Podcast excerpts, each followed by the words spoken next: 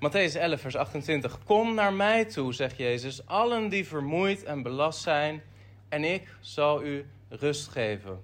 Neem mijn juk op u en leer van mij dat ik zachtmoedig ben en nederig van hart, en u zult rust vinden voor uw ziel. Ehm, misschien, dit is een beetje een cliché voorbeeld, hè? maar misschien kennen jullie wel van vroeger of van tegenwoordig. Ik weet niet, sommige jongeren hier uh, maken dat misschien nog mee, maar ik denk het niet. De meesten zitten niet meer op de basisschool. Maar vroeger, als je werd uitgenodigd voor een feestje, toch?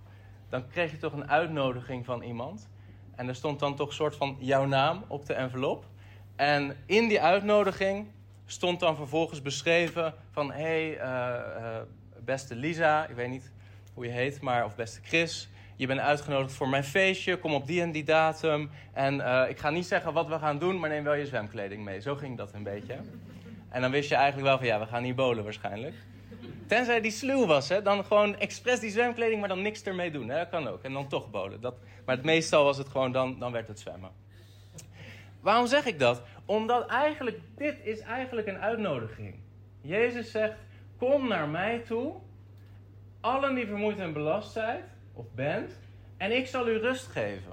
En eigenlijk is het een uitnodiging. Jezus zegt, kom naar mij toe, en dat zit in een envelop, en op die envelop staat de geadresseerde geschreven. En aan wie is dan deze uitnodiging geadresseerd? Wat staat er op de envelop? dan zeg je, ja, iedereen broeder Chris. Of iedereen Chris. Uh, nou, er staat wel expliciet iets bij. Er staat allen die vermoeid en belast zijn. Dus Jezus geeft eigenlijk een soort envelop aan jou. En dan staat daar op die envelop voor de vermoeide en belaste. En dan is het aan jou om te kijken, ben ik dat eigenlijk? Ben ik degene aan wie dit geadresseerd is? Nou, dan vervolgens open je die envelop en wat zit er dan in? Een belofte. Ik geef jou rust. Dat zit in die envelop. En nou is de vraag waar ik met jullie bij stil wil staan. Wat is dan precies dat vermoeid en belast zijn? Want uh, wat bedoelt Jezus dan eigenlijk? Misschien uh, denk je dan van ja, vermoeid en belast. Uh, ik heb een drukke baan, ik heb veel kinderen, ik heb er zelf drie en een tweeling. Dus ik, ik herken me er wel een beetje in. Hè? Tim daar zo, vannacht niet geslapen. Ik heb ook nauwelijks geslapen. Nou ja, ik, ik kan wel wat met dat vermoeid en belast, zeg maar. Maar is dat wat Jezus bedoelt? Hè? Heeft hij het over een soort mensen met een soort burn-out of zo? Ik geloof niet dat dat is waar het om gaat.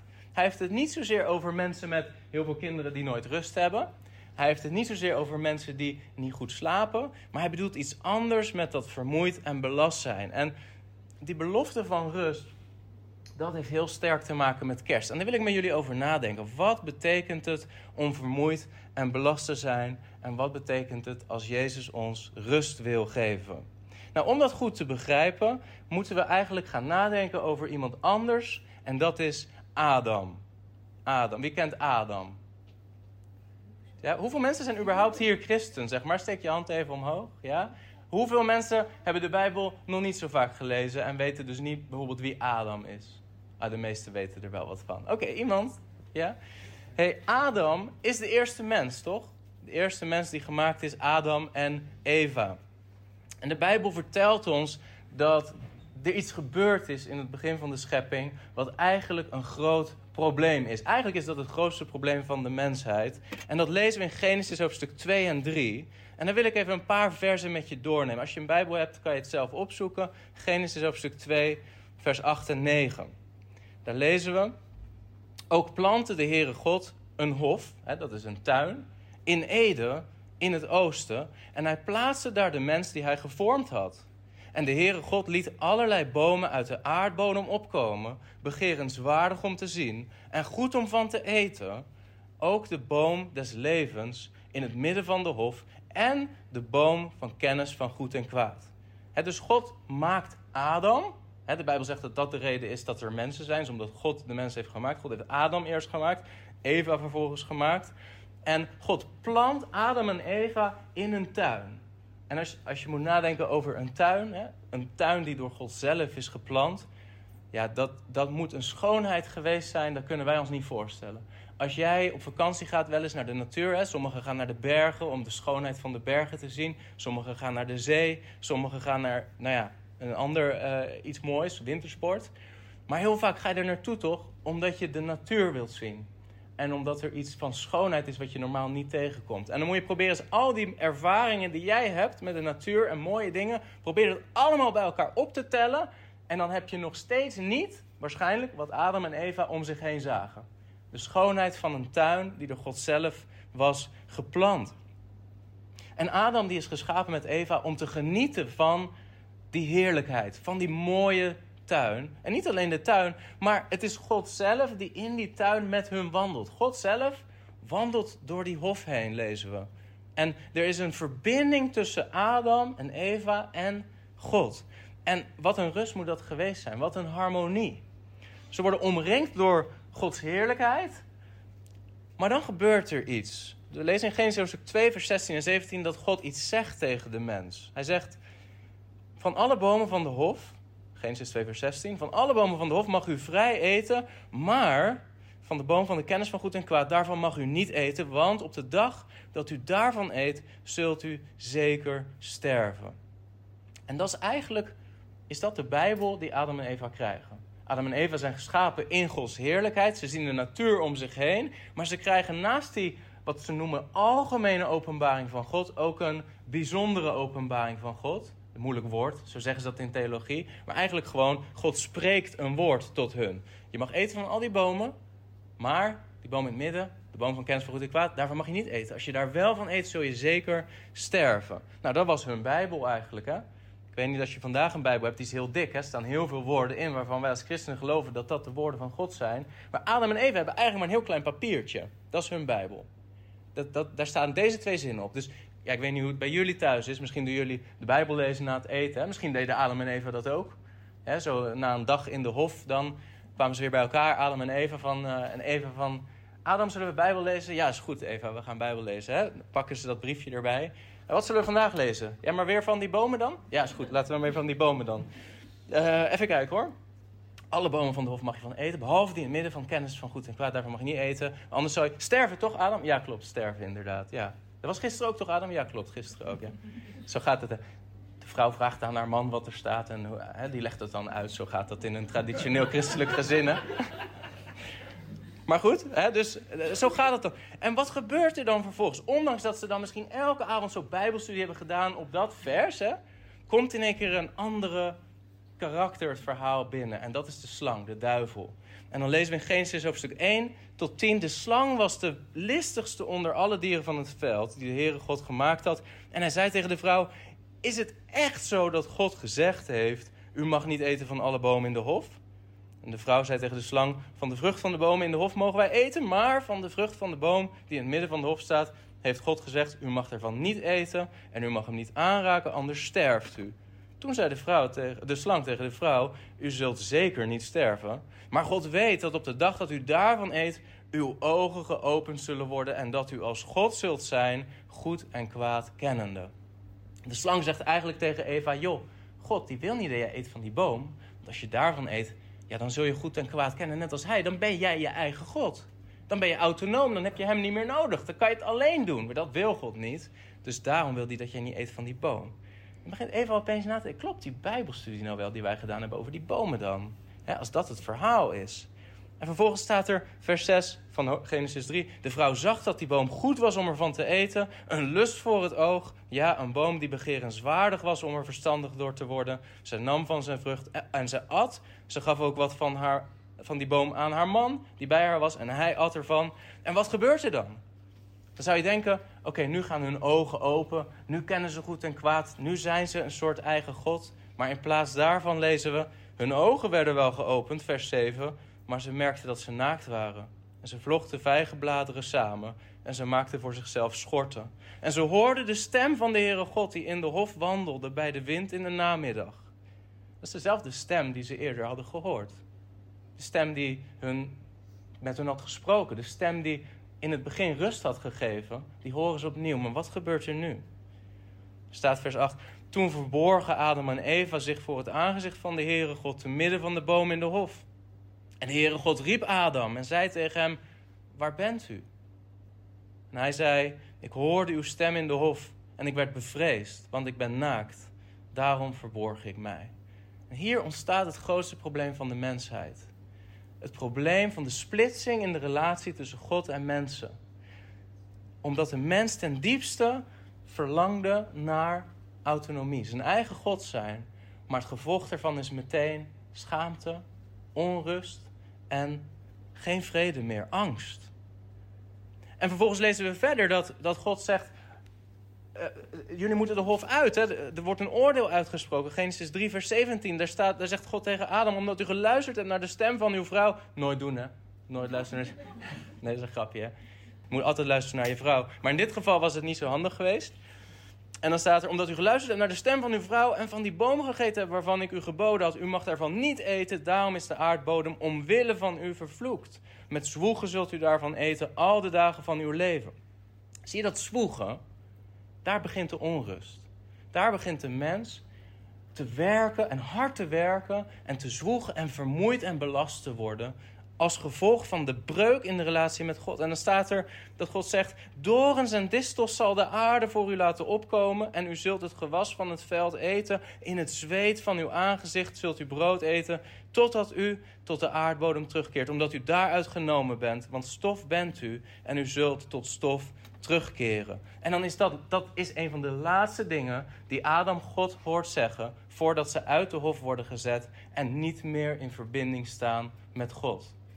De laatste belofte van God aan Adam is: je zult sterven. Je zult terugkeren tot het stof van de aarde waaruit je bent genomen. En misschien dat dat woord wel bleef doorklinken in zijn, in zijn hoofd. En God zei, terwijl hij de mens buiten de hof stelde, zei hij: laat de toegang tot de boom van het leven bewaakt worden, opdat de mens niet zijn arm zal uitstrekken en van de vrucht van die boom zal nemen en eeuwig zal leven.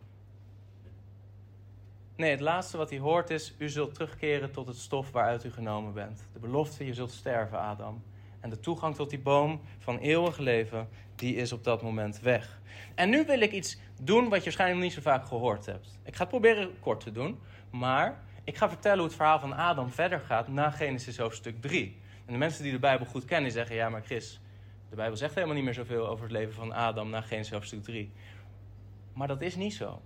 Want het verhaal van Adam is eigenlijk het verhaal van heel de mensheid. En ik ga nu een beetje verhaal vertellen van hoe het leven van Adam verder is gegaan. Zeg je, ja, dat heb je allemaal verzonnen, Chris. Dat klopt. Maar het zegt iets over wat er gebeurd is met de mensheid. Wat gebeurt er met Adam nadat hij uit de hof wordt gezet? Nou, Adam die zet zijn leven voort in een wereld die vervloekt is.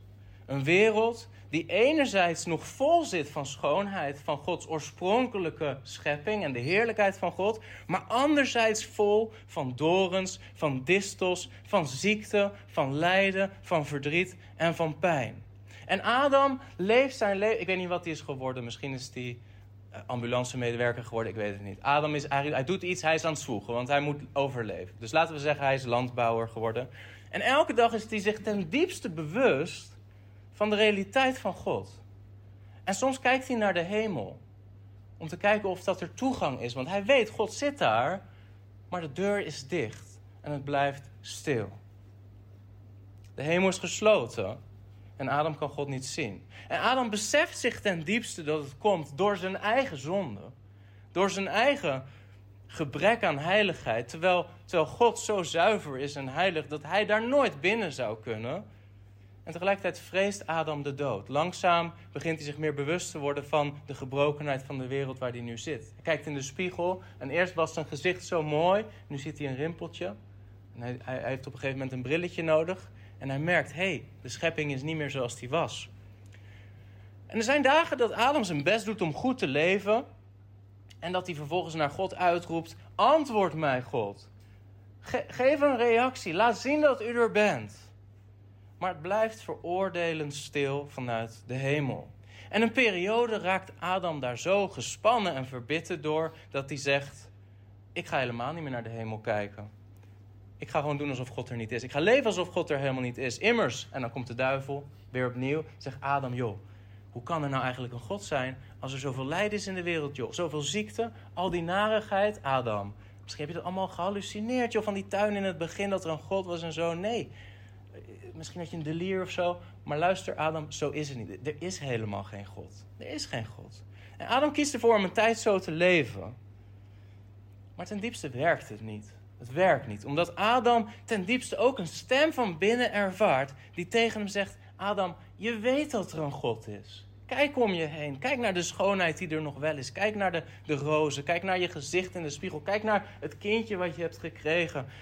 Adam, dit kan toch niet als er geen God is? Ten diepste weet Adam dat hij zichzelf voor de gek houdt door te denken dat er geen God is. Dus Adam denkt: ik ben geen atheïst meer. Adam kiest er nu voor om een moreel mens te worden.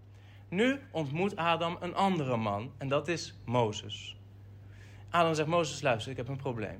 Want de deur is dicht, ik kan niet meer bij God terecht. Ik weet dat hij er is. Ik heb, ik heb periode gedaan alsof hij er niet is, maar ik weet dat hij er is. Maar ik kan niet met hem in verbinding komen. En ik weet dat ik hem nodig heb. Ik ga, ik ga sterven. Dit, dit, dit, dit hou ik niet vol. Ik moet hem zien, Mozes. En Mozes zegt, nou ja, dat, is, dat kan.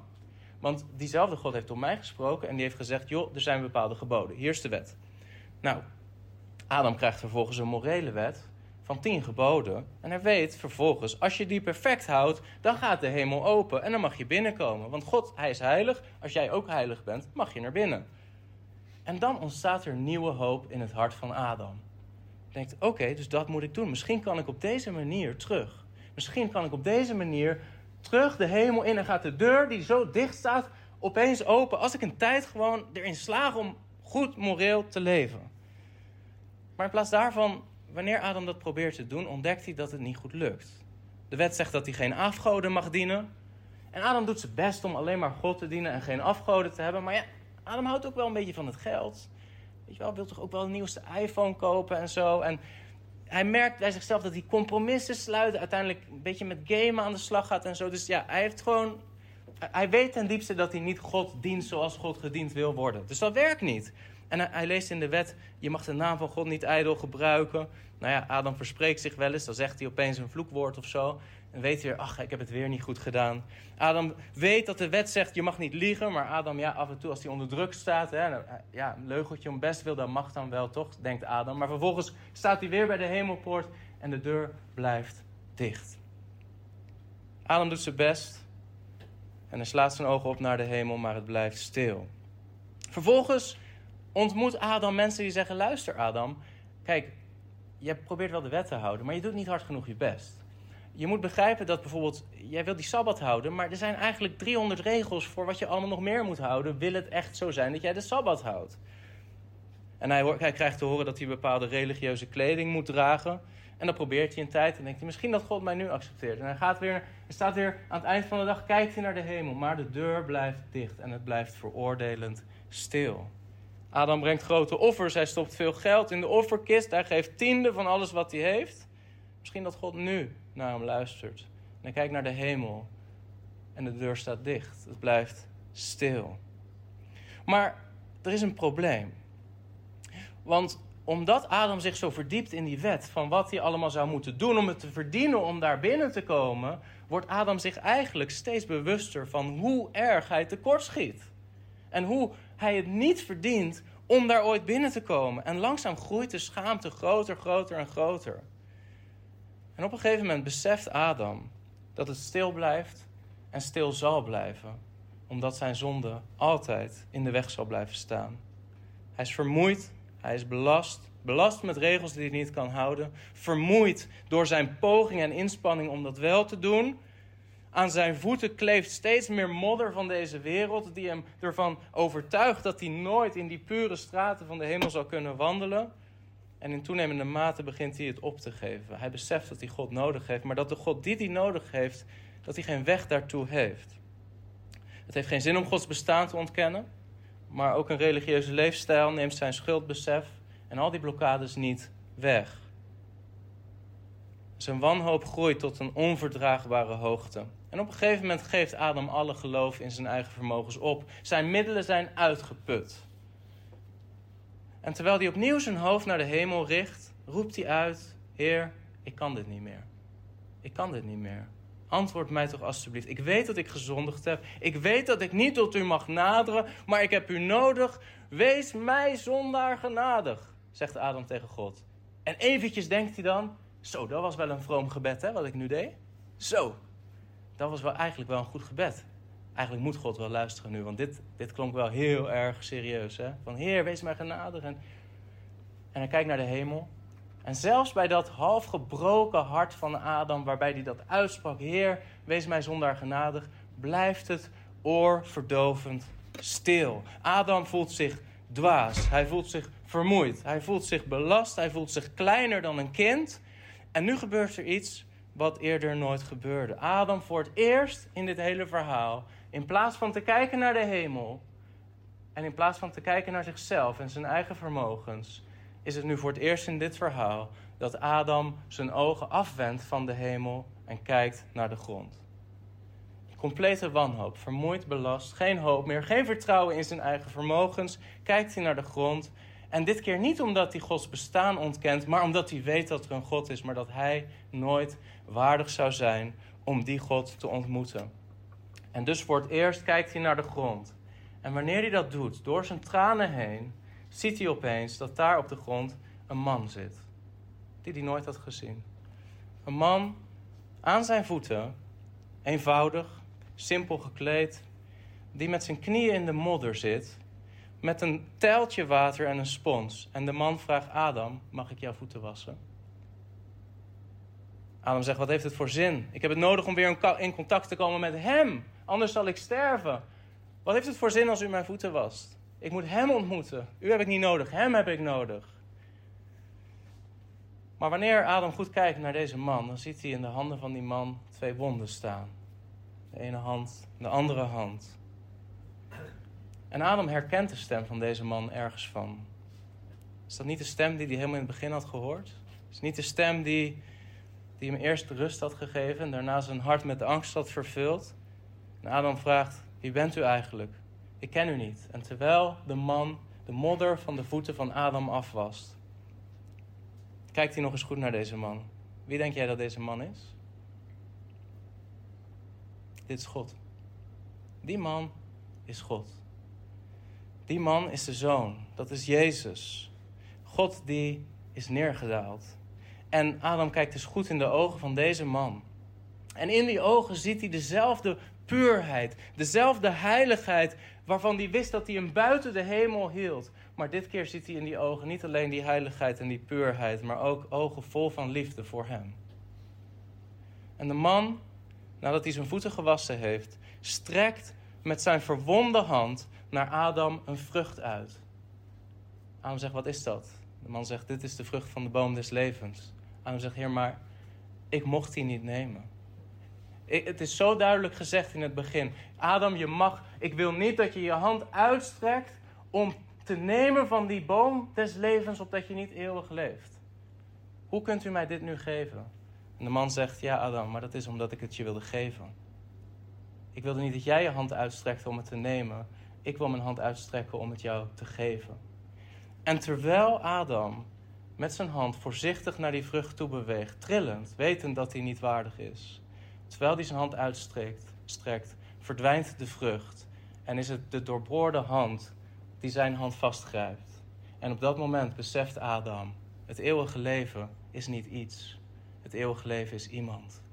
Het eeuwige leven is de verbinding met deze sterke, doorboorde hand. En voor het eerst voelt Adam iets wat hij nooit eerder heeft gevoeld: rust. Een rust doordat hij weet dat deze hand hem vasthoudt en niet zal loslaten. En dat is de rust die Jezus bedoelt wanneer hij zegt: Kom tot mij, allen die vermoeid en belast zijn, en ik zal u rust geven. En weet je, het is zo vaak zo dat wij God niet zien omdat wij naar boven kijken. Maar dat we God zullen zien wanneer we naar beneden kijken. Want God houdt zoveel van mensen dat hij daar niet is gebleven, maar dat hij onder je is komen zitten. Als een babytje, dat is kerst. De liefde van God is naar beneden gekomen. En weet je, datgene wat wij menen te moeten nemen, is eigenlijk iets wat God ons vaak wil geven. Amen. Hij wil je rust geven, omdat Hij de straf heeft gedragen die wij verdiend hebben. Hij wil ons rust geven, omdat Hij ons gerechtvaardigd heeft en nieuwe witte kleren heeft gegeven. Hij wil ons rust geven, omdat we weer de verbinding met God mogen ervaren. Hij wil ons rust geven, door ons kinderen van God te noemen, ook al zijn we het niet waard om zo genoemd te worden. Hij wil ons rust geven doordat Hij zijn Heilige Geest geeft en ons verandert naar Zijn beeld. En Hij geeft ons rust doordat we in Zijn liefde mogen rusten. Want Hij is zachtmoedig en nederig van hart. Laten we bidden. Vader, ik dank u voor, Heer, dit kerstverhaal, heren. Misschien op het eerste oog is het een heel ander verhaal dan het verhaal van een baby in een kribbe tussen de dieren. Heer, maar het is hetzelfde verhaal. Heer, het is het verhaal van een God die, die mens wordt uit liefde voor mensen. En die iets wil geven aan mensen wat ze uit zichzelf nooit zouden kunnen grijpen. Heer, ik wil u danken dat u binnen wilt komen, juist in die gebieden van ons levens waar zoveel schaamte is, Heer, waar zoveel, Heer, waar, waar zoveel naaktheid is en waar wij zo hard ons best voor doen om het af te schermen voor u en voor de mensen om ons heen. Juist die dingen, dat u daar, daar binnenkomt en zegt, ik wil je voeten wassen en ik wil je iets geven. Heer, ik wil u bidden voor een ieder van ons, Heer, dat we dat zullen ontvangen en dat we die rust ook mogen kennen die het geeft om uw doorboorde hand te voelen die de onze vasthoudt. In Jezus' naam. Amen.